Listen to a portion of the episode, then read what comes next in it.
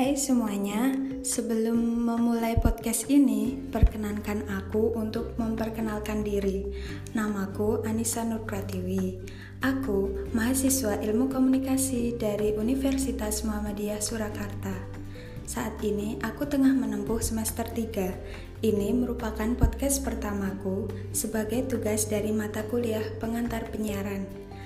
Pada podcast kali ini, aku akan menjelaskan mengenai manajemen media penyiaran televisi yang aku review dari buku Manajemen Media Massa yang ditulis oleh Fajar Junaidi. Oke, langsung saja. Perkembangan media penyiaran di Indonesia mengalami lonjakan pesat pasca reformasi pada tahun 1998. Sistem politik yang sebelumnya otoriter di masa Orde Baru berganti dengan sistem politik yang lebih demokratis. Hal tersebut membuka kesempatan bagi berkembangnya media penyiaran di Indonesia. RCTI menjadi stasiun televisi swasta pertama yang mengudara pada tahun 1989.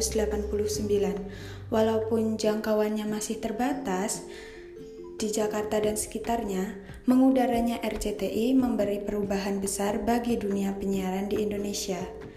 Penonton di Indonesia tidak lagi hanya mendapat suguhan televisi nasional yaitu TVRI, namun sejak mengudaranya RCTI, penonton televisi memiliki pilihan untuk memilih program acara yang diminatinya.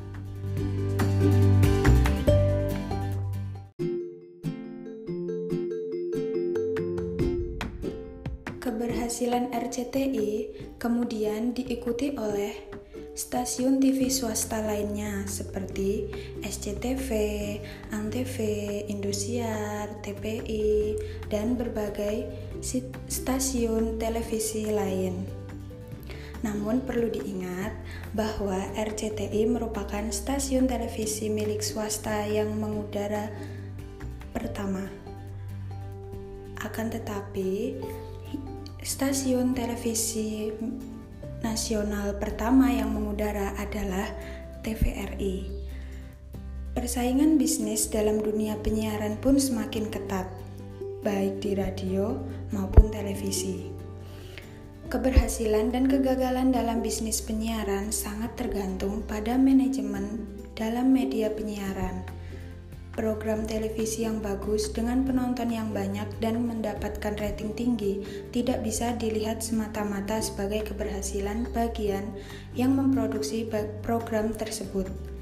Namun, harus dilihat sebagai keberhasilan bersama dari berbagai pihak yang terlibat dalam proses manajemen di stasiun televisi. Manajemen penyiaran televisi tidak sekedar urusan bagaimana proses teknis siaran, namun juga menyangkut pengelolaan sumber daya manusia, sumber daya keuangan, dan sumber daya peralatan di stasiun televisi. Pengelola stasiun televisi harus mampu mendelegasikan wewenang kepada para bawahannya dengan beragam posisi, kewenangan, dan tugas yang berbeda.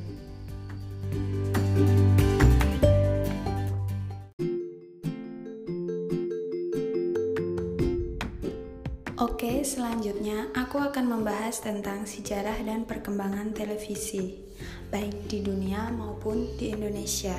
Sebelum membahas lebih jauh tentang manajemen dalam stasiun televisi, ada baiknya aku akan membahas terlebih dahulu perkembangan penyiaran televisi, sehingga dapat mendalami latar belakang terbentuknya manajemen media di stasiun televisi. Sejarah perkembangan televisi menjadi latar dari terbentuknya programming dalam penyiaran televisi. Perkembangan teknologi televisi mulai berkembang pada tahun 1923. Pada saat itu, Vladimir K. Zworykin sebagai seorang pegawai di Westinghouse mempatenkan tabung gambar televisi yang di dalamnya terdapat ikonoskop. Perkembangan teknologi televisi memang banyak berakar di Amerika Serikat. Namun, demikian bukan berarti di negara-negara lain, terutama Eropa Barat, teknologi pertelevisian tidak dikembangkan. Pemerintah Jerman mengawali menyiarkan layanan siaran televisi non-eksperimental pada tahun 1935. Di Inggris, siaran British Broadcasting Corporation atau BBC diawali beberapa tahun kemudian. Di Amerika Serikat sendiri, siaran komersial dari stasiun televisi dimulai pada tahun 1941. Lalu kemudian tahun 1946, setahun setelah Perang Dunia Kedua berakhir, penjualan televisi mulai bergeliat Stasiun televisi mulai melakukan programming dalam siaran mereka. Walaupun di Amerika Serikat sendiri hanya ada 10 stasiun televisi yang memiliki lisensi untuk siaran.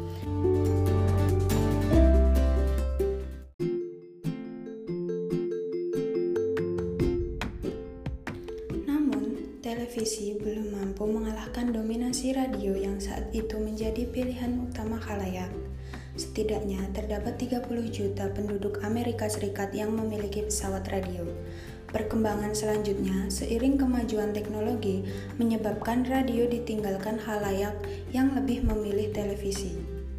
Pada tahun 1948, hanya dua tahun sesudah produksi televisi normal kembali, populasi pesawat televisi di Amerika Serikat telah menjangkau 1 juta penduduk dan jumlah stasiun televisi yang diizinkan mengudara telah membengkak menjadi 108 stasiun penyiaran televisi.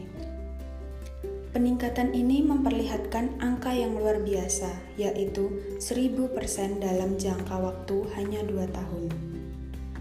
Jika membandingkan perkembangan televisi di Amerika Serikat pada dekade tersebut, tentu tidak bisa dibandingkan dengan di Indonesia di Indonesia dalam posisinya sebagai negara sedang berkembang baru memiliki stasiun televisi pada dekade 1960-an ketika TVRI berdiri dan mengudara pada tanggal 17 Agustus 1962.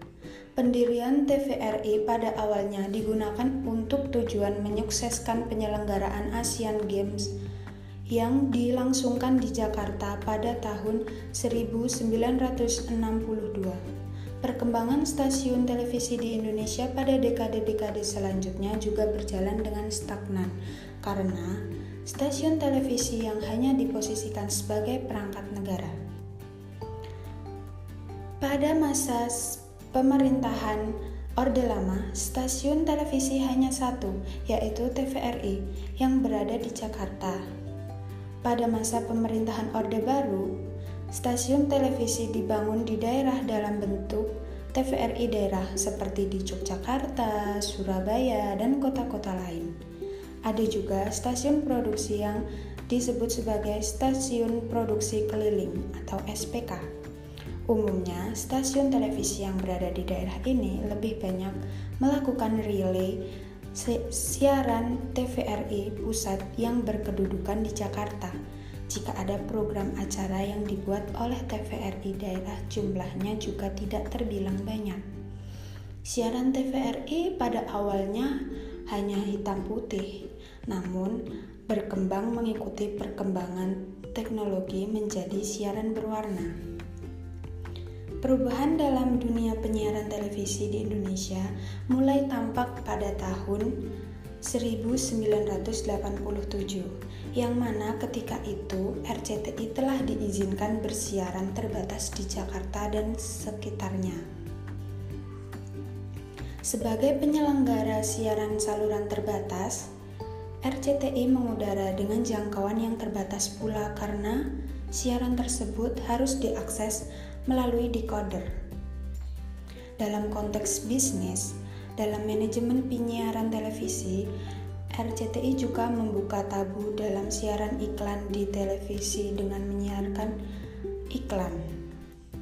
RCTI mendapat sambutan hangat dari publik yang menginginkan alternatif baru dalam menonton televisi. Dari sisi bisnis, perkembangan dunia pertelevisian di Indonesia telah mendatangkan iklan dalam jumlah besar. Televisi menjadi media utama bagi para pengiklan untuk melakukan penempatan iklan atau media placement.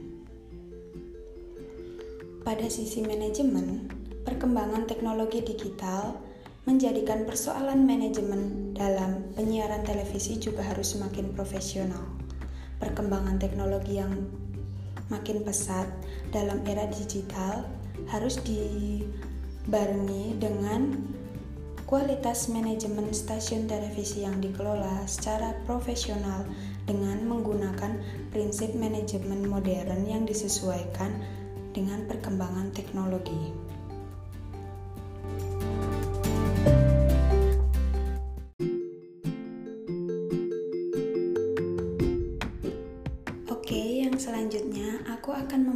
Tentang struktur dan posisi dalam manajemen televisi. Stasiun televisi dipimpin oleh manajer yang disebut sebagai manajer umum atau general manager. Di stasiun televisi besar juga disebut sebagai direktur utama. Selain itu, ada istilah lain yang menggunakan istilah seperti presiden direktur, direktur utama, dan CEO.